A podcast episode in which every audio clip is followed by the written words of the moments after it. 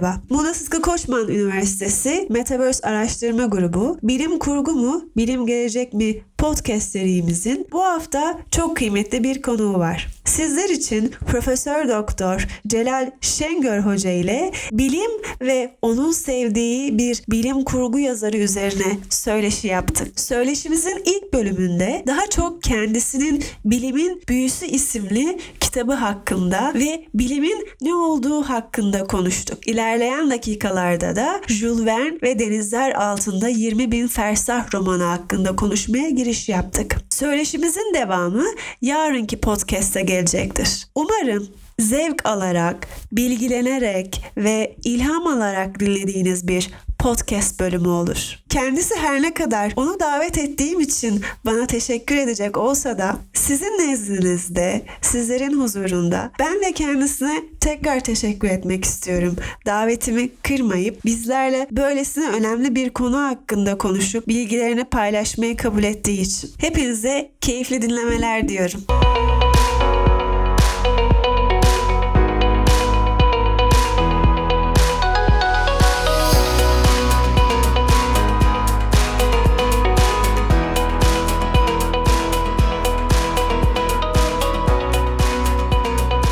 Merhaba Celal Hocam. İyi akşamlar dilerim. akşamlar. Kusura bakma böyle kıyafetim böyle. Ben çünkü unutmuşum bunu zor yetiştim. Önemli değil hocam. Sizin burada olmanız yeterli zaten. Sağ olun. Teşekkürler. Podcast olarak yayınlayacağız. Ha, Yani- ses sadece. evet sesimiz dinleyicilere ulaşacak. Güzel. Buyur. Sizinle bilim kurgu mu bilim gelecek mi podcast serimizin bir parçası olarak bu akşam birlikteyiz. Programımızın ilk bölümünde e, yazmış olduğunuz Bilimin Büyüsü isimli kitap hakkında konuşacağız. Tamam. E, İlerleyen dakikalarda da sizin çok sevdiğiniz bir roman olan ve sizi bilime doğru çeken bir yazar olan Jules Verne hakkında ve özellikle onun Denizler Altında 20 Bin Fersah romanı hakkında. Belki Jules Verne'in en meşhur romanıdır. Değil mi? Yani oradaki geminin adını ilk nükleer denizaltıya da verdiler. O Nautilus biliyorsun Kuzey Kutbu'nun altından geçmiş. Buzların altından. Gerçek olanı mı hocam? Evet. Zaten hayali olan da Güney Kutbu'na gidiyor. E, bir de notlarımda yazmışım. Söylediğiniz gerçek olan Nautilus yüzeye çıkmadan 4 ay boyunca böyle deniz altında kalabilmiş. Evet, evet. Ve nükleer bir denizaltıda bir nükleer reaktörler kullanıyor. O başka türlü kalamaz dört ay. Fakat romandaki Nautilus değil mi? Ona elektrik üretme şekli deniz suyundan üretiliyor elektriği. Sodyumdan. Evet. Rumkorf, Rumkorf pilleriyle. Runcorf ve özellikle şu an sanırım direkt romandan başladık biz bir şekilde. Runcorf pilleriyle ve sürekli Runcorf pilleriyle diğer bir pil türü daha var. Neydi? Onu kullanmayı tercih etmediğini söylüyor. Bunzen, evet. Bunzen pilleri. onu tercih etmedim. Runcorf'u tercih ettim diyor ve onu Evet. bilimsel bir şekilde Daha ediyor. izah ediyor Profesör Aronnax O kısımları da çok güzel. Yani hem bir roman hem de böyle bilimsel gerçeklerle iç içe. Ya ders kitabı gibi ya. Bir kere müthiş coğrafya öğretiyor. Ben mesela bu Japonya'nın önünden akan bir soğuk su akıntısı vardır. Kuroshiwo, Kroş. Karanehir. Ben onu orada öğrendiydim. İlkokulda okudum ben bu kitapları. Ama ne coğrafya öğrendim. Öf. Kara parçalarından ondan sonra Evet, evet. bu biyolojiyle ilgilenen kişiler için de bence çok büyük bir kaynak. müthiş. Hocam o zaman programımızın adına da uygun bir soruyla başlamak istiyorum. Siz Tamam. gerçi bunu Bilimin Büyüsü kitabınıza çok güzel izah ediyorsunuz ve ben yer yerde bazı yerleri okuyabilirim. Tamam. Bilim Nasıl nedir? Size bilim nedir diye sorarak. Ha, çok kolay. Bilimin tanımı gözlemle yanlışlanabilecek ve içinde kendi kendisiyle çelişmeyen ifadeler içeren düşünce sistemlerine bilim denir. Şimdi bu yanlışlanabilme niye önemli? Çünkü genel ifadeleri doğrulamak mümkün değil. Yani çünkü bütün kainatı görmemiz mümkün değil, görmüyoruz. Ama bütün kainat hakkında fikir beyan ediyoruz. Değil mi? Şimdi bu beyan ettiğimiz fikirler kendileriyle çelişecek bir gözlem yapılmadığı sürece geçerli. Mesela Newton'un çekim kuralı değil mi? Çekim kanunu. 300 sene geçerli. Ta ki Einstein gelene kadar. Da kitabınızda da bunu açıklıyorsunuz. Evet yani mesela Newton bu Merkür'ün perihelyonunu açıklayan. Einstein açıklıyor. Newton ışığın sapmasını tam hesap edemiyor. Einstein ediyor. Teşekkür ederim hocam. Ve kitabınızda şöyle diyorsunuz. Bilimde yanılmanın sonu yoktur. Evet, evet Edward Züß vardır meşhur jeolog. Ben gelmiş gitmiş en büyük jeolog. Onun bir lafı var. Diyor ki doğa bilimci şunu bilmelidir diyor. Yaptığı iş diyor bir diyor tepeye tırmanmaya benzer. Zirveye ulaşamasa bile diyor. Her bir adımda gördüğü yer daha geniş hale gelir. Perspektif, bakış açısı geniş. Evet. E, dolayısıyla diyor yaptığı iş bir yanlıştan diğerine tırmanmaktan ibarettir. Ama yükseldikçe senin gördüğün alan daha fazla yani açıklayabildiğin alan gelişir. Bilim bilmek değildir. Bilim anlamaktır. Yani sen istediğin kadar şey bil. Anlamıyorsan teyp makinesinden farkın ne? O zaman e, burada kitabınızda da açıklıyorsunuz. Bizde bilim bilmekten geliyor gibi. Fakat bu kelimenin Yunancası episteme, Latincesi Episteme, evet değil mi? Scientia Latincesi de. scientia yani anlayıştan değil mi? Evet, evet. Anlamak. Yani gördüğün bir şeyi açıklayabilmek. Açıklayamıyorsan yaptığın iş beş para etmez. Bu açıklaman yanlış olsa da birisi ters bir gözlem yapar. Sana der ki bu doğru değil. O zaman bir adım daha atmış olursun. Yeni bir şeyler öğrenmiş olursun. Değil mi? Evet. E, tabii ki deney ve araştırma yapmadan bilim Hiçbir şey olmaz. Hiçbir şey olmaz. Gözlem, deney değil mi? Bunlar yani bilimin ana taşlarıdır. Olmazsa olmazlarıdır. Bir de hocam kitapta şeyden bahsediyorsunuz. İtidal noktası. Biraz hani eski Türkçe gibi. Fakat burada denmek istenen denge ve ölçülülük. Değil mi yani? Evet. Sorgulama sorgulama sonucunda karar karara varırken değil mi? Bunu hayatımıza uygularken itidal noktasını bulmak da önemli. Bunun hakkında biraz konuşabilir misiniz? Valla burada itidal noktasından e, kasıt bir yaptığın bir işin mantıki olarak nereye gittiğine bakacaksın. Yaptığın bazı şeyler seni öldürebilir. Değil mi? Güzel şeyler ama o güzel şeyleri çok fazla yaparsan ölürsün. Yemek yemek hoş bir şeydir. Ama çok fazla yersen ölürsün. Değil mi? Yani bir iki kadeh şarap sağlığa dahi faydalıdır. Kalbe falan faydalı. Ama oturur bir damacana şarap içersen ölürsün. Dolayısıyla yaptığın işi anlayacaksın. Çok önemli. Diyecek ki ben bunu yapıyorum. Bunun sonuçları nelerdir? Neler olabilir? Bu sonuçlardan kaçınmak zorunda olduğum var mıdır? Anlaştık mı? Anlaştık. O zaman bu bizi yine şeye bağlıyor hocam. Sonuçlarını ve ihtimaller üzerine düşünmek. Bu da yine doğa bilimci yaklaşım. Ya dediğim gibi anlaman lazım. Ya anladığın zaman şeyleri de görür, sonuçlarını tahmin edebilirsin en azından. E, tahmin ettiğin zaman sana bir şey arıyorum burada. Hah buldum. Bak meşhur bir Amerikalı yazar vardı. Kim? Robert Ingersoll. Bak ne diyor? Akıl, gözlem ve deney. Bilimin kutsal teslisidir bu. Yani kutsal üçlüsüdür diyor. Akıl, gözlem ve deney. Üçlü saç ayağı gibi yani. Evet tabii teslis değil mi? Harika. Biliyorsun Hristiyanlarda da bir teslis var. O saçma sapan bir şey. Ama bu akılcı bir şey. Akılcı bir evet, üçgen. Peki hocam bilimi, bilim ne olduğu hakkında şimdi bir fikrimiz var. Daha bir başlangıç noktası yakaladık. Modern bilimi başlatan ikiliden de bahsediyorsunuz Bilimin Büyüsü isimli kitabınızda. Anaximandros ve Thales'ten. Thales, evet senin babanın hemşehrileri değil mi bunlar? Evet hocam. Bunlar milletli, milletli. Miletos, Aydın'ın güneybatı. Evet, evet. Evet. Menderes deltasının kenarındadır hemen böyle. Eskiden orası olduğu gibi denizmiş tabii. Ya, Değil mi? Bunlar da böyle... Ha? Evet, bunu ben bilmiyordum. Tabii. Tabii tabii. Yani o milletin falan olduğu yer söke möke hepsi sahil bunların. Söke Ovası çok verimlidir. İşte o ova o zamandan bu yana dolmuş. Anladın mı? O büyük Menderes'in getirdiği alüvyonlarla dola dola dola dola o ova oluşmuş. Bu Talis ve Anaximandros zamanında yok öyle bir ova. Orada deniz var. Onun için Miletos bir liman şehri.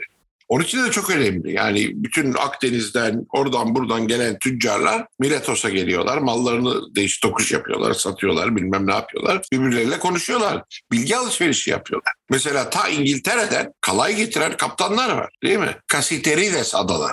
Kasiterit kalay mineralidir. Adı da oradan gelir. Kasiterides adaları Büyük Britanya'dır. Bu adamlar Cornwall'dan kalay oradaki granitlerin oluşturduğu kalayı getiriyorlar ve satıyorlar.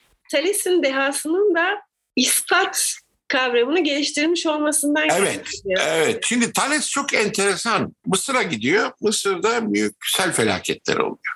O sel felaketlerinden sonra kadastrocular geliyor. Sen diyorsun ki işte benim burada bir tarlam vardı şu kadar falan. Diyorlar tamam şimdi tespit ederiz. Onu tespit edebilmek için bazı geometrik kurallar kullanıyorlar. Thales bakıyor diyor siz bunları nereden öğrendiniz? Diyorlar ustamızdan öğrendik. Thales bu adamlarla konuştuğu zaman fark ediyor ki bunlar bu kuralların her yerde geçerli oldu. Ve ispat edilebilir şeyler olduğunu farkında değiller. İlk defa teorem kavramı çıkıyor orada değil mi? Geometrik teorem. Mesela Thales'ten şeyi öğrenmek istiyorlar. Bir Piramitlerin yüksekliğini bulabilir misin? Çok kolay diyor. Piramidin gölgesi var. Thales kendi ayakta duruyor. Kendi gölgesi kendi boyu kadar uzunsa o anda piramidin de gölgesini ölçün diyor. O piramidin yüksekliğidir diyor. Benzer üçgenler. Değil mi? Evet. Müthiş. Hep Ya yani bunları bunları görüyor adam. Pratik E. Miletos'a geri gelip arkadaşı Anaximandros'a diyor. Ya diyor biz insanlar tanrıların falan yardım olmadan bazı şeyleri bilebiliriz. Tamam mı? Bu tabii matematik için geçer. Ondan sonra şu soruları sormaya başlıyorlar. Ya depremler niye oluyor? Fırtınalar neye, neye çıkıyor? Şimşek, yıldırım nasıl oluyor? Aa, o şeyi fark ediyorlar ki bu sorulara verilen cevaplar geometrik sorulara verilen cevaplara benzemiyor. Bunları ispat etmek mümkün değil. Ama tenki yani bunlar hakkında bir varsayım üretmek ve o varsayımı tenkitlerle geliştirmek mümkün. Bu doğa biliminin doğumudur. Varsayım ve tenkit ikilemi var. Yani önce. tabii şimdi tabii bir varsayım ortaya atıyorsun. Ondan sonra karşıdakine soruyorsun ya sen aynı fikirde misin? Karşıdakinin sende olmayan bilgileri varsa diyor ki ama bak bu da var bu da var falan. O zaman senin varsayımın çöpe gidiyor yeni bir varsayım geliyor. Tez antitez olarak. Bir, Hayır, hayır, hayır, hayır. Çok Değil mi? enteresan. Antitez değil bu. Yani senin aklın diyalektiğe gidiyor. Diyalektik Evet. mantıken zırva bir şey. Bu öyle değil. Şimdi bak burada mesela Thales diyor ki ben diyor bu depremleri ve fırtınaları falan işte dünyayı çevreleyen bir okyanus var. Bu da Sümerlerden beri gelen bir varsayım. Ortasında da dünyamız var. Yüzüyor. Tarkullu. Tar Tarkullu aslında ne demek biliyor musun? Gemilerin bağlandığı direkt. Dünyamız böyle sağlam bir yerde duruyor. Yalnız o okyanusta büyük fırtınalar oldu biraz sallanıyor. Deprem oluyor. Bunu Anaximandros anlatıyor. Bu Sümerlilerden alınma bir varsayım. Yani dünyanın her tarafını görmüş değil Thales. Böyle olabilir diyor. Ondan sonra diyor Anaximandros sen ne düşünüyorsun bu konuda diyor. Anaximandros da diyor ki Thales iki itiraz diyor. Bir, sen diyorsun ki diyor dünyamızı su tutuyor. E, Güzel. Suyu ne tutuyor? Hadi onu da bildin diyelim. O bildiğini ne tutuyor? Dikkat edersen diyor senin varsayımın diyor sorunu çözmüyor. Uzağa atıyor diyor. Bir de diyor bir taş parçasını alıp suya attı mı batıyor. Hadi diyelim ki diyor dünyanın altı tamamen Pamza taşından oluşmuş olsun o yüzüyor. Ama diyor bu çözümü uzağa atmayı halledemiyorsun. Onun üzerine Thales soruyor. Peki diyor sen ne düşünüyorsun? Benim kanaatime göre dünya boşlukta duruyor. Neden diyor Thales? Çünkü diyor oraya veya buraya gitmesi için bir sebep yok diyor. Yani adam hani aşağı, yukarı, sağ, sol bunların tamamen bağıl kavramlar olduğunu anlamış. Ve bu cümle dünya boşlukta duruyor cümlesi. Aç Tevrat'ta Eyüp kitabını. Orada 25. bölüm 7. beyit. Geceyi kuzeyin üzerine yaydı ve dünyayı boşluğa astı. Şimdi biz biliyoruz ki bu kitap Eyüp kitabı tabii Tevrat'ın milattan önce 2. yüzyılda yazılmış. Yani Anaximandros'tan çok sonra. Demek ki o kitabı yazan ya, cahil zavallı Yahudi bunu bir yerde duymuş. Çünkü Anaximandros'un bir de kitap yazmış. Meşhur Perifiseos'u. Değil mi? Tabiat hakkında. Bunu belli ki bu adam duymuş bir yerden. Veya belki de okumuş. Ve şunu demiştir. Ya böyle bir lafı etse etse ancak Tanrı edebilir. Yani düşünebiliyor musun? Bütün kainat hakkında bir laf söylüyor. Ve onu o din kitabına koymuş. Halbuki Thales ve Anaximandros bunu bir varsayım olarak ortaya atıyor. Hatta Thales önce arke olarak suyu görüyor değil mi? Su tabii. Tabii. Anaximandros da ne diyor? Apeiron. Sınırsız. Hem zamanda hem mekanda. Değil mi? O, o müthiş bir şey. Ya yani bana sorarsan Anaximandros gelmiş geçmiş en büyük insan oldudur. Yani bugün ben seninle televizyonda konuşabiliyorsam bilgisayarla Anaximandros sayesinde. Vars- Bunlar başlatıyor bilimi. varsayım ve tenkit. Yani bilim öyle gelişmiş. Sen ve ben ondan yararlanıyoruz. Sen hastalandığın zaman ilaç alıyorsun. Çünkü tıp var. Değil mi? Ve şey de çok enteresan. Burada kitapta da bahsediyorsunuz. Thales kendini heyecanlandıran bilgiler edindiğinde Anaximandros'la paylaşıyor değil mi? Evet. Ve ona da diyor sakın bana inanma diyor. evet sakın bana inanma. Bana inanmak zorunda değilsin. Evet. Senin aklına daha iyi bir kuram geliyorsa söyle tartışalım. Tabii işte yani bu adamlar fark etmişler ki bu genel önermeler ispat edilemez. Ama düzeltmek, ilerletmek mümkün. Anladım. Yani geometrik kuralları gibi değil bunlar. Yaşama dair Evet. olanlar böyle. Daha çok tartışarak. Yani hayır sonsuza Sonsuz. müteallik. Değil mi? Şimdi dedim ya biz kainat hakkında işte çekim kanunu diyoruz. Her tarafını dolaştın mı kainat? Evet. Hayır. Yani biz burada gördüklerimize göre bir varsayım uydurmuşuz. Ondan sonra Einstein daha iyisini bulmuş. Ama ne demiş Einstein? Benimki de yanlış demiş. Çünkü yanlışlamak mümkün bilimde. E, tabii. Tabii. Yani bilim başka türlü yapılır. Bir şey yanlışlanamazsa o bilim değildir. Değil. Ha, eleştiri olmadan varsayımları daha iyi bir hale getiremez. Burada şeyden de bahsetmek istiyorum. Çünkü denizler altında 20 bin fersah romanında da geçiyor. Bu deniz altına elektrik verilme durumu, bunun sodyumdan elde edilmesi. Burada Michael Faraday'den biraz bahsede- bahsedebiliriz değil mi? Çünkü elektrik hakkında çalışmaları olan Tabii çok önemli. çok önemli. prensibini, Değil mi? İndüklemeyi bilmem neyi falan filan bulan adam Michael Faraday. Siz de kitabını... Değil mi? Mesela anot, katot bilmem ne diyoruz. Evet. Bunları icat eden adam. Onlara da isim veren William Whewell'dır. Çünkü William Whewell ilahiyatçı. iyi Yunanca biliyor. Jules Verne doğmadan önce bu kişiler bu çalışmalarını ya- yapmaya yavaş yavaş başlıyorlar. Tabii E Jules bunlar çoktan başlamış. Ama mesela elektriğin böyle tepeye çıkması tabii Faraday ile başlıyor. Ama ondan sonra elektromanyetizma işin içine giriyor. O şeydir, Sir James Maxwell'dir. James Sir değil de James Maxwell. Babası Sir. Değil mi? Maxwell eşitlikleri dört tane. Bir tanesinde ışığı ısı sabittir gözüküyor. Kimse dikkat etmemiş ona. Einstein dikkat etmiş. Schröding- Schrödinger'den de bahsediyor. Schrödinger, Schrödinger Schrödinger. Şöyle değil mi? Kuantum, kuantum mekaniği. denklemlerinden. Schrödinger denklemleri onlar ihtimal hesaplarıdır. Bir elektron bir atom içinde nerede bulunur? Schrödinger denklemleri onun nerede bulunacağının haritasını çizer sana. Ve o bir ihtimal hesabıdır. Şurada diyemez. İşte yüzde seksen burada, yüzde yirmi başka yerde. Hocam bu kadar çok şeyi nasıl biliyorsunuz? Çok okuyorsunuz onu tahmin edebiliyorum. E Yani babam ben bayağı iyi tahsil görmüş bir adam. Harikasınız. Bunları da kitap olarak Süper. aktarmışsınız ve bizlerle paylaşıyorsunuz öğrenmemiz için. İşte benim bütün amacım sizsiniz ya. Şunu söyleyeyim, Bilimin Büyüsü kitabınız ben bir kere okuyarak anlamıyorum. Benim bunu 4-5 kere okumam lazım. Yani çünkü içerisinde çok bilgi var. Bunu açıkça söylemek istiyorum. Ve e, öyle kolay şeyler de değil yani bunları anlamak, E, sindirmek. tabii ya yani bunlar modern bilimin temelleri onlar. Ya bir küvyeyi anlamak için neler bilmen lazım. Bu kişilerden yani çıkış noktalarımız bunlar bilimden bahsettiğimizde. Faraday'de ve diğer Maxwell'de, Schrödinger'de bunlar hep işte Jules Verne'e sanırım ilham veren kişiler. Schrödinger değil. Schrödinger Jules Verne'den sonra. Hariç o atomdan bahsediyor. Ama e, James Clerk Maxwell olsun, Faraday olsun. Yani şey James Clerk Maxwell çağdaş. Şey Faraday biraz daha önce. Hertz de vardı onu unuttuk. Heinrich Hertz. Evet. Frekans. Tabii ki bunlar benim uzmanlık alanlarım değil. Fakat Ama ya sen fizik okudun herhalde lisede. evet. Ha, ben- Ya ben bunları lisede öğrendim ya. evet hocam evet, haklısınız. Doğru söylüyorsun. Yani ben ortaokulda rahmetli Nuriye Hanım'dan öğrendiğim biyolojiyle üniversitede paleontoloji okudum. O kadar iyi bir biyoloji öğrettiydik adam. Bir de sizin de ilginiz varmış sanırım. Çok.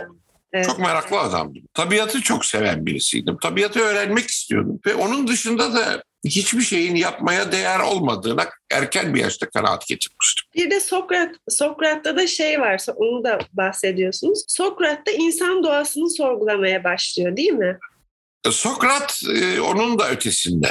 Yani işte ahlak bilmem ne falan. Cevabı verilemeyecek sorulara dalıyor ve dini tekrar Yunan düşüncesine sokuyor. Yani Nietzsche'nin çok meşhur bir lafı vardı. Sokrat diyor, bir diyor İngiliz anahtarına benziyor. Çalışan bir makinenin içine atıp dişlileri çalışamaz hale getiren bir anahtara benziyor diyor. Kafa karıştırıyor mu o zaman? Ahim nasıl ya? Değil mi? Bir sürü aptal aptal fikri tekrar Yunan düşüncesine sokuyor. Herif vahiy aldığını falan söylüyor dikede.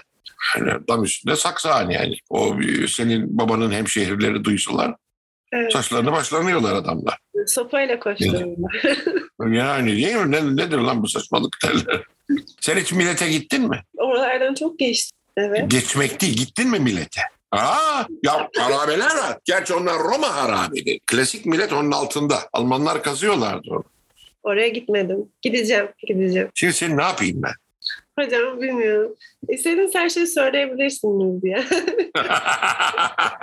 yani bilmiyorum benim evet gideceğim. Hatta şimdi derslerimiz bitti bizim ders dönemimiz. Sınav bittiği e, zaman. kalk, kalk git ya Aydın'da akrabanız bilmem. Yani nerede oturuyor? Benim annen, baban? ailem, ailem Çin'de oturuyorlar.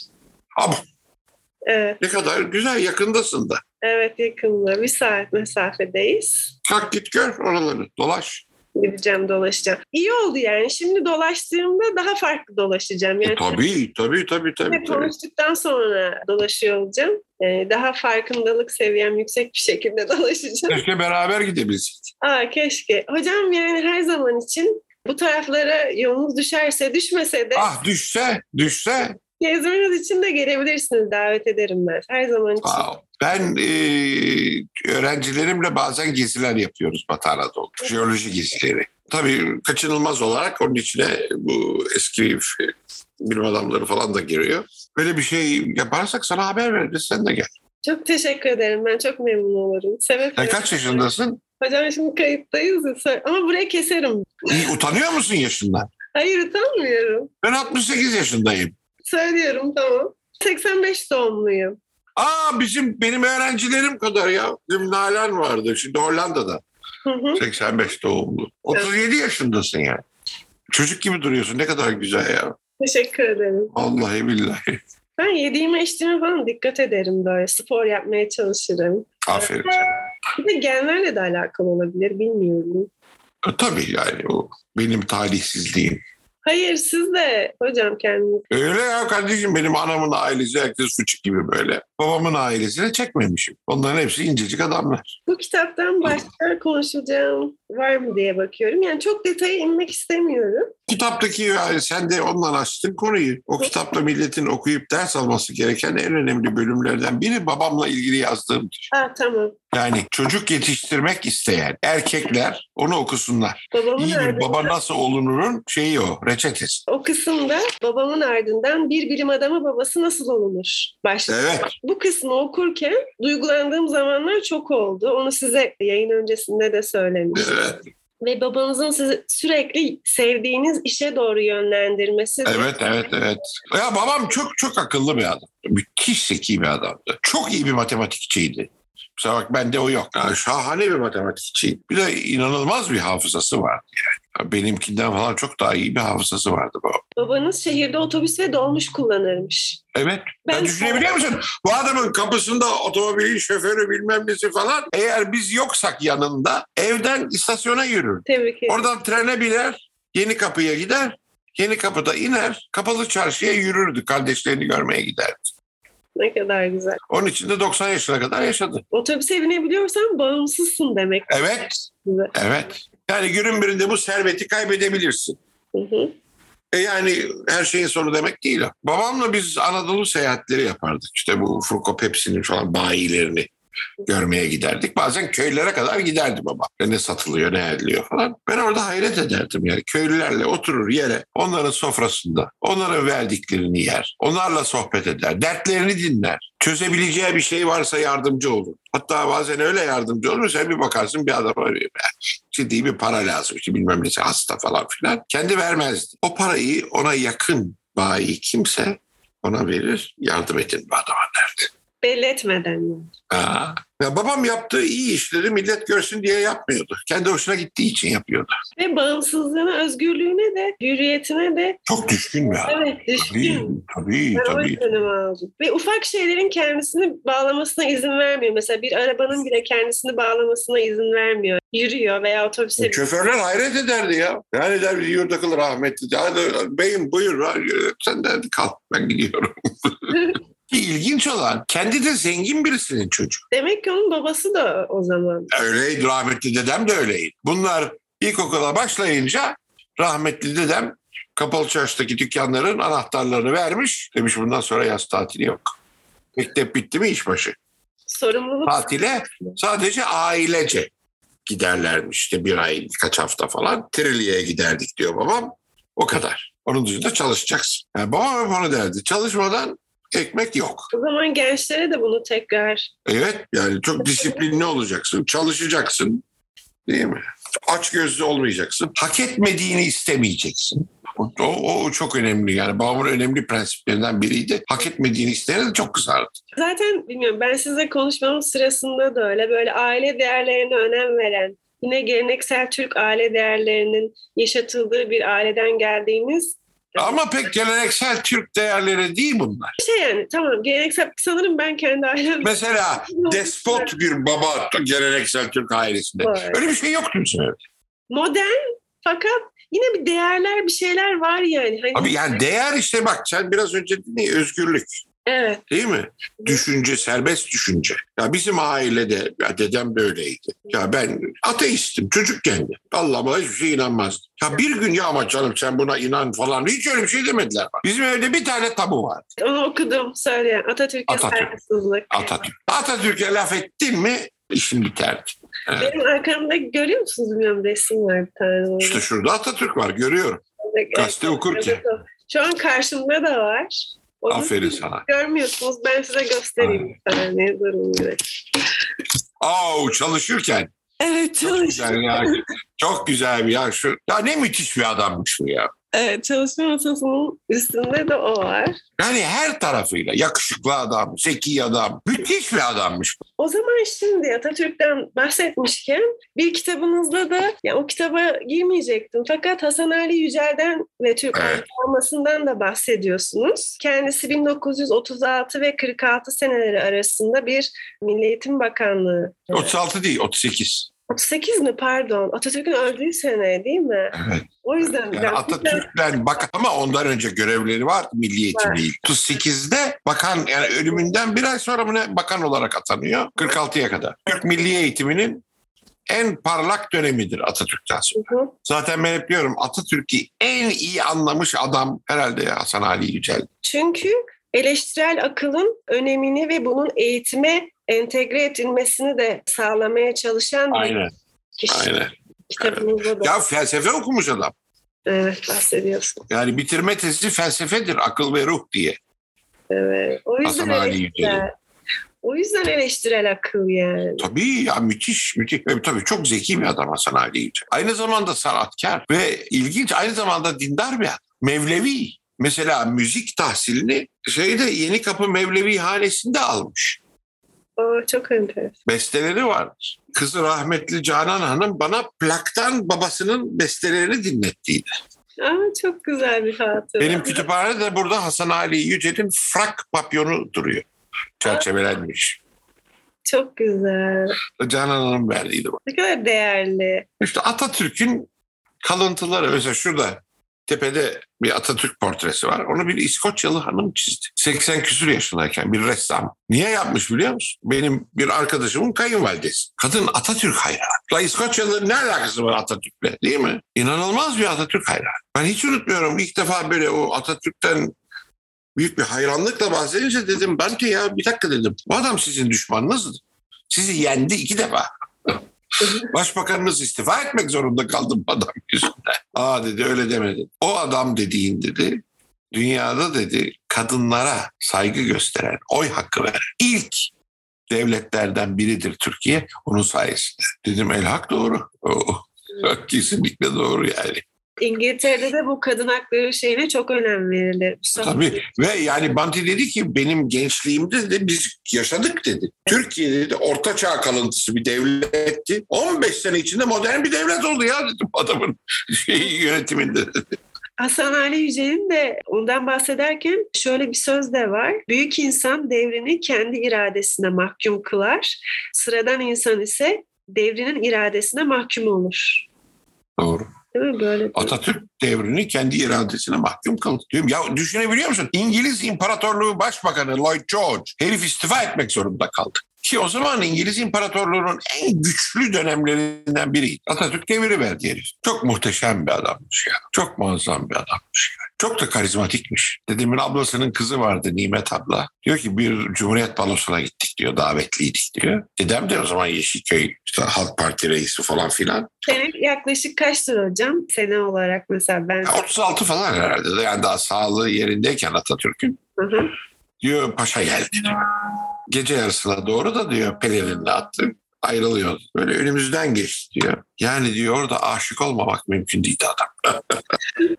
Kıyafet, o kılık kıyafet inkılabı da aynı şekilde. Ya kılık kıyafet inkılabı diyorsun. Şimdi Atatürk'ün giydiği kıyafetlere bak. Adam milletine mankenlik yapmış. Nerede ne giyilir? Denizde mayo giyiyor mesela. Denizde mayo. İşte gösteriyor. e, e, çeşitli toplantılarda nerede frak, nerede smoking, Evet. çiftliğe gittiğinde ne giyilir o kasketi, Çizmeler. golf pantolonlar, çizmeler değil mi? Mesela ata binerken o ne şahane bir kıyafettir. Papyonu, ceketi ve süvari pantolonu. Yani çok muazzam bir adammış. Yani öyle böyle değil. Kardeşim onun için diyor ki Hı hı. bu diyor bizden değil bu uzaydan gelmeydi diyor Atatürk için.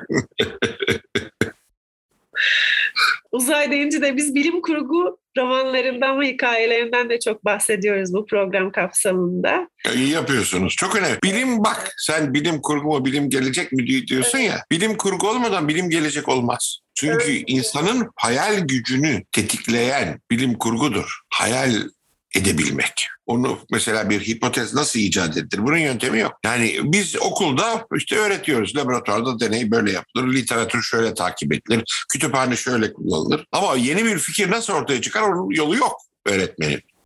Onu insan kendi kendine yapıyor. Fantastik, ordinary olanın üstüne çıkmak. Tabii ya düşün fantastik 19. yüzyılda Kaptan Nemo'nun yaptığı fantastik bir şey. E gel 20. yüzyılda daha iyisi var. Onu geliştiriyorlar. Tabii. Ve sonra geliştirdikleri, bu bilimsel olarak geliştirdikleri şey de Kaptan Nemo'nun gemisinin ismi veriliyor yani. Onu Evet. onore et. Evet çünkü çünkü ondan gelen ilhamlar var. Kesinlikle. Değil mi? Mesela Kaptan Grant'in çocuklarını okudun mu bilmem. Orada bir coğrafya profesörü var Paganel. Şimdi bunlar bir şişe buluyorlar. içinde bir mesaj. İşte biz şu adada ıssız adada kaldık. Bizi kurtaran mesaj. Fakat mesajın bir kısmı silinmiş. Sadece şey biliniyor. Enlem biliniyor. Boylam bilinmiyor. Şimdi neresi? Nerede burası? Bunlar Lord Glenavon var işte bu kurtarma işine heveslenen e, İskoç aristokratı. Bunlar e, yeni evlenmiş adam. Hanımıyla beraber yatıyla bir dünya seyahatine çıkacaklar falan. Biliyorlar yatlarını. Sonra bakıyorlar ana yatın içinde tanım, tanımadıkları bir adam var. Adam geliyor merhaba nasılsınız? İyi. Bak kim bu herif diyorlar. Bu Profesör Paganel yanlışlıkla Scotia gemisine bineceğine buraya binmiş. Scotia gemisi de gitmiş. O gemiyle bir kongreye gidiyormuş. Ganj'ın kaynakları hakkında bir kongreye. Fakat ne yazık ki bunların elinde kalmış. Bunlar da demişler işte biz böyle böyle gidiyoruz. Hani isterseniz bizimle gelin isterseniz kalın. Falan. Paganel bunlarla gidiyor. Mesajı buluyorlar. Bakıyorlar şimdi Lord Glenarvan Paganel'e soruyor. Profesör Paganel diyor. 37. Güney enlemi üzerinde hangi ülkeler var? Herif takır takır ezbere sayıyor. O beni çok etkiledi. Ben dedim ben de böyle bir herif olmak. Öylesiniz hocam. Yani. Hay, teşekkür ederim. Daha, daha, daha olmadı. Daha olmadı. Olacak inşallah ama. Bence çok bu vaktim- söyleminizden bile örnek alınması gereken. Daha olmadı olacak demeniz. Evet. Ee, E, ne yapacaksın? Daha, yani e, o tam da olamayacak. Vaktim de kalmadı fazla. Yok hayır. Düşünmeyin hocam. 68 yaşındayım kız. Benim babam da hocam yani 52'li. Ya ben 55'liyim. Evet yani sizden 3 yaş büyük. Fakat hala bir yaşama enerjisi var. Ondan hiç ben böyle cümleler duymuyorum. Siz de söylemeyin. Aferin ona. Akıllı adam. Siz de söylemeyin. lütfen. Hayır ben yani istatistik diye bir şey var. Dolayısıyla istediğin kadar çok yaşayacağım diye. Yani benim oğlum biyolog. O yaşlanma üzerine doktora yaptı. Yani anlatıyor vücut nasıl yavaş yavaş iflas ediyor. Hoş değil tabii bunları dinlemek ama öyle. Ne yapacaksın? Yine de umarım uzun ömrümüz olsun. Sağlıklı. Sağlıklı. Ha bak o yani uzun ömür mühim değil. Sağlıklı Sağlıklı uzun ömür. Evet o çok Sağlıklı önemli. olsun. Yine de biraz ya yaşayın hocam. Ya tabii tabii yani onu sağlıklı olmak şartıyla tabii ben de çok yaşamak isterim. Yapacak çok iş var. Öğrenecek çok şey var kız. Ve hala da enerjiksiniz. Bazen böyle kendim enerjimin çekildiğini hissediyorum. Sonradan O toparlayıp tembelliktendir. evet hocam. Doğru söylüyorsun. Neyse bu gençlerde de bu tembellik oluyor. Niye öyle oluyor? Ne bileyim ben kendine sor. Bende yoktu. Ben senin yaşında gece gündüz çalışan ben hala çalışıyorum. Yani şu anda ben bilgisayarımın önünde sen Tabii. hadi Allah'a ısmarladık dedikten sonra çalışmaya devam edeceğim. Tahmin edebiliyorum. Size örnek almamız. Yani beni örnek almaktan ziyade kendi yöntemini geliştir. Bazı şeyleri nasıl öğrenirim, nasıl anlarım. Bunu yapabilmek için de kendine sorunlar bulman lazım. Sorun. Hangi problemi çözmek istiyorsun? Evet. Mesela H.G. Wells'la Jules Verne'i karşılaştır. Ne görüyorsun? İkisi de ikisi de bilim alanında öncü kişiler. Ama ama H.G. Wells'ın temelde bir başka amacı var. Toplum eleştirisi yapıyor. Jules Verne tam onu yapmıyor. Jules Verne tamamen coğrafi bilgi Jules Verne peki bu Kaptan Nemo'ya da yansımıyor mu hocam? Yani yansıyor. Tabii ta orada da var. Mesela Jules Verne o zamanının kolonyal imparatorluklarına karşı değil mi? Mesela onun bir romanı vardı Türkçe'ye tercüme edilmemiş. Hangisi hocam? L'Archipel en feu, Ege alevler içinde. Yunan isyanını anlatır. Ve orada Yunanlılara destek çıkar. Biliyorsun Kaptan Nemo da öyle yapıyor. E, Yunan Adası diye bir bölüm var romanda. Değil mi? Yunan isyancılarına koca bir kasa altın veriyor. Girit'e geliyorlar. Orada Aronnax Aronnax'ın pencerenin önünde otururken bir bakıyor bir adam. Lan diyor aman bir adam ha. Yo, ben onu tanıyorum diyor kaptan. Bu adam diyor mapatan burnuyla diyor Girit adasında gelir gider diyor. En iyi, en iyi yüzücülerden biridir diyor. Hemen o bölümü açıyorum hocam. Yunan adaları. Evet. Burada hocam bu Yunan adaları bölümünde şey kısmı var. Mobilis in mobile. Bakır levhası. Mobilis in mobili. Mobil. Pardon. Mobilis in mobili. Mobilis in mobil. Mobil. Geminin mottosu. Evet, hareket içindeki bir unsur, içindeki hareket. Ve hareket halindeki bir unsur, içinde hareket. Demek mobilis in mobili. Bu altın külçe sandığının üzerinde bu yazıyor. O Nautilus'un işareti. Tabii bu altın külçeler de batık bir gemiden. Evet, ya bir sürü yeri topluyor. Değil mi? Mesela Vico Körfezi'ne gidiyor. Orada batık İspanyol hazinelerini topluyor. Sonra bunları açıklıyor Profesör Aronnax'a. İspanya Evet. tarihini bilir misiniz diyor. Evet, değil mi? Mi? 1702'de İngiliz gemilerinin Vigo Körfezi'ne gelişinden bahsediyor. Evet, evet. Benim sana sorduğum gibi. Evet hocam. Şimdi sen Profesör Aronnax'ın rolünü oynuyorsun. Kaptan Nemo da dehşet yani profesörlere taş çıkaracak. Ee, Kaç dil biliyor herif ya. Ne diyor hatırlıyor musun romanın başında? Ben diyor İngilizce, Almanca, Fransızca ve Latinceyi aynı rahatlıkla konuşurum. Ama herifin ana dili değil bunların hiçbiri. hocam o Hindistanlı mı? Bundelkand, Bundelkandlık, Kuzey Hindistan. Kuzey Hindistanlı. Ve romanın sonunda bir aile fotoğrafı var. Eşi ve e, iki bakıp İngilizlerin öldürdüğü. ağlıyor. Evet. Diz çöküyor onların önünde hatırlıyor musun? Evet, romanın sonunda ve bir bu içinde bir intikam duygusu var. İngilizlere karşı. Ya onu da şeyde öğreniyorsun. O Esrarengiz Adada öğreniyorsun. Fakat şeyde anlıyoruz biraz, biraz hani e, foreshadowing dediğimiz ileriye doğru bir bir yerde Hindistanlı bir İnce avcısı Seylan'da. avcısı var. Evet. Seylan'da değil mi? Seylan'da ince avcısı var Hindistanlı ve e, böyle ayağına taş bağlayıp hatta denizin altına daha çabuk inebilmek için. Köpek balığından kurtarıyor. Sonra adama değil mi bir kese inci veriyor. İnci veriyor. Ve bunu tabii ki de Profesör Aronnax gözlemliyor yani Hindistanlı Evet. insana bu kadar. Ama sırf Hindistanlılara değil, Yunanlılara da müthiş yardım ediyor. Orada. Yani ezilen Evet, ezilenlere müdafi Kaptan Nemo. Onları savunan bir adam. korumacı bir tarafı var. Evet. Ve işte onun da sebebini Esrarengiz Adada öğreniyoruz. Öğreniyor. Ya, o meşhur Hint ihtilali 1857'de. Değil mi? Tipo sahibin yaptığı ihtilal ki Tipo sahip güya bunun akrabası falan. Peki o zaman hazır romana giriş yapmadık. Fakat roman içerisindeki kütüphane de çok enteresan. Yani kitaplardan konu. Kaç cilt olduğunu hatırlıyor musun? 12 bin. Haberin. Değil mi? 12 bin cilt. Sorumuza yanıt verebildim. Bir konu yok kütüphanede. Bir saniye neydi? Dur. Ekonomi politik. Ekonomi ve politik. Politik ekonomi yok. Niçin acaba? İnsanları birbirine düşüren lüzumsuz bir konu diye düşünüyor herhalde. Kaptan Nemo. Bir de yani insanlıkla alakasını kesmiş bir adam için ilginç değil değil mi? Ve çok varlıklı. Denizin altında keşfettikleriyle varlığı da çok. Ben diyor Fransa'nın dış borçlarını bir lokantada hesabı öder gibi öderim. Benim de diyor herhangi bir mali sarsıntıya sebep olmaz benim şeyimde diyor. Bu Aronnax ne diyor? Baktım diyor kaptan dalga mı geçiyordu ciddi mi söylüyordu diyor. Fakat zamanla onunla bu keşif gezisindeyken gerçek söylediğini de fark ediyor. Yani altın, Evet. altınları görünce özellikle küçük. Evet. E zaten o gemiyi yapmak o ne servet ya. Evet. Ve geminin parçalarını başka başka yerlerde yaptırıp Kimse diğer- uyanmasın diye bir de en, en uygunları buluyor tabii. En iyi yapanları buluyor. Evet. Ve ıssız bir adada onları birleştiriyor. O ada neresi? Şeyde çıkıyor. Şeyde çıkıyor. Esrarengiz adada çıkıyor. Bu tabii orada işte o adaya düşenlerin verdikleri isimle Lincoln Adası. Lincoln adı. Okudun mu sen Esrarengiz Adayı? Hayır onu henüz okumadım hocam. Fakat okuyayım. Çok beğeneceksin. Bak, O, o, o müthiş, o müthiş bir şey. Onu aldım, edindim. Ee, en kısa sürede okuyacağım. Ve şimdi o çok şey olacak. Çünkü bunun bir devamı niteliğinde gibi bir, e, değil mi? Bazı detayları orada öğreniyoruz. Siz de sürekli söylüyorsunuz. Bu orada ortaya çıkıyor, bu orada ortaya Evet. çıkıyor. Şimdi evet, daha evet. Mesela Kaptan Grant'ın çocuklarının devamı da orada. Bir de hocam denizler altında 20 bin... Ya dikkat ediyorsun ben Jules Verne'i dikkatli okumuş bir adam. Evet hocam. Yine bilimsel bir şekilde okumuşsun. Yani bütün bağlantı... Ama ne zaman okudun diye sormuyorsun.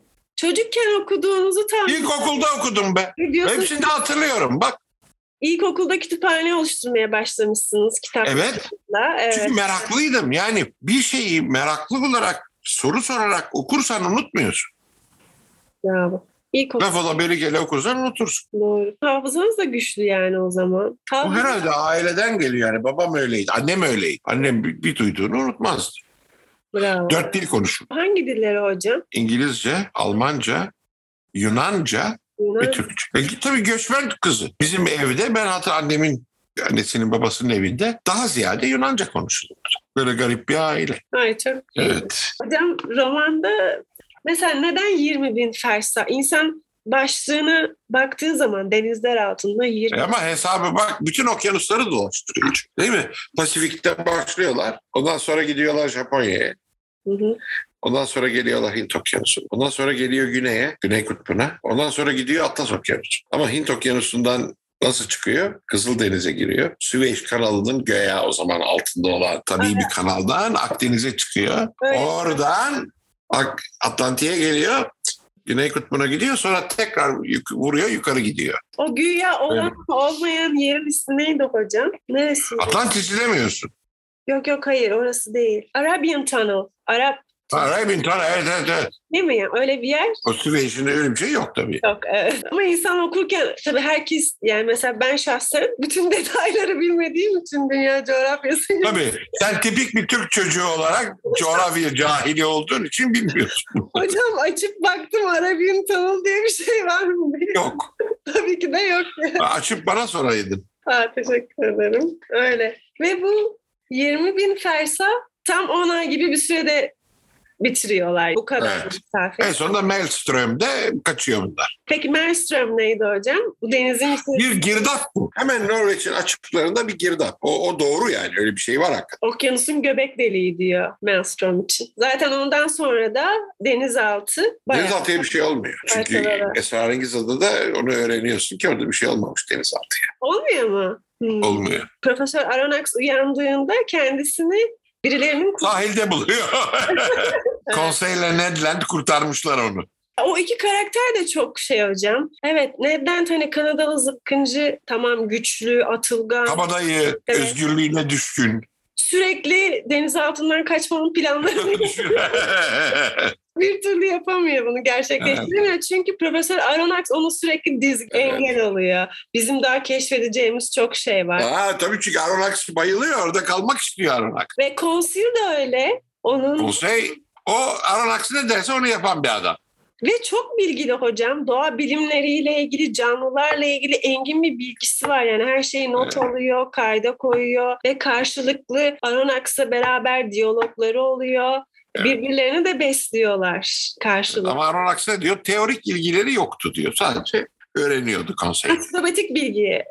tarzında değil mi onunkiler daha çok? Evet. Arada yorumlamalar da yapıyor fakat Çok değil. çok değil evet arada. Yani yaptığı en önemli yorumlar profesöre kendini tehlikeye atma dikkat et diyor. Ve de bir yerde oksijensiz kalıyorlardı. Güney kutbuna giderken Evet.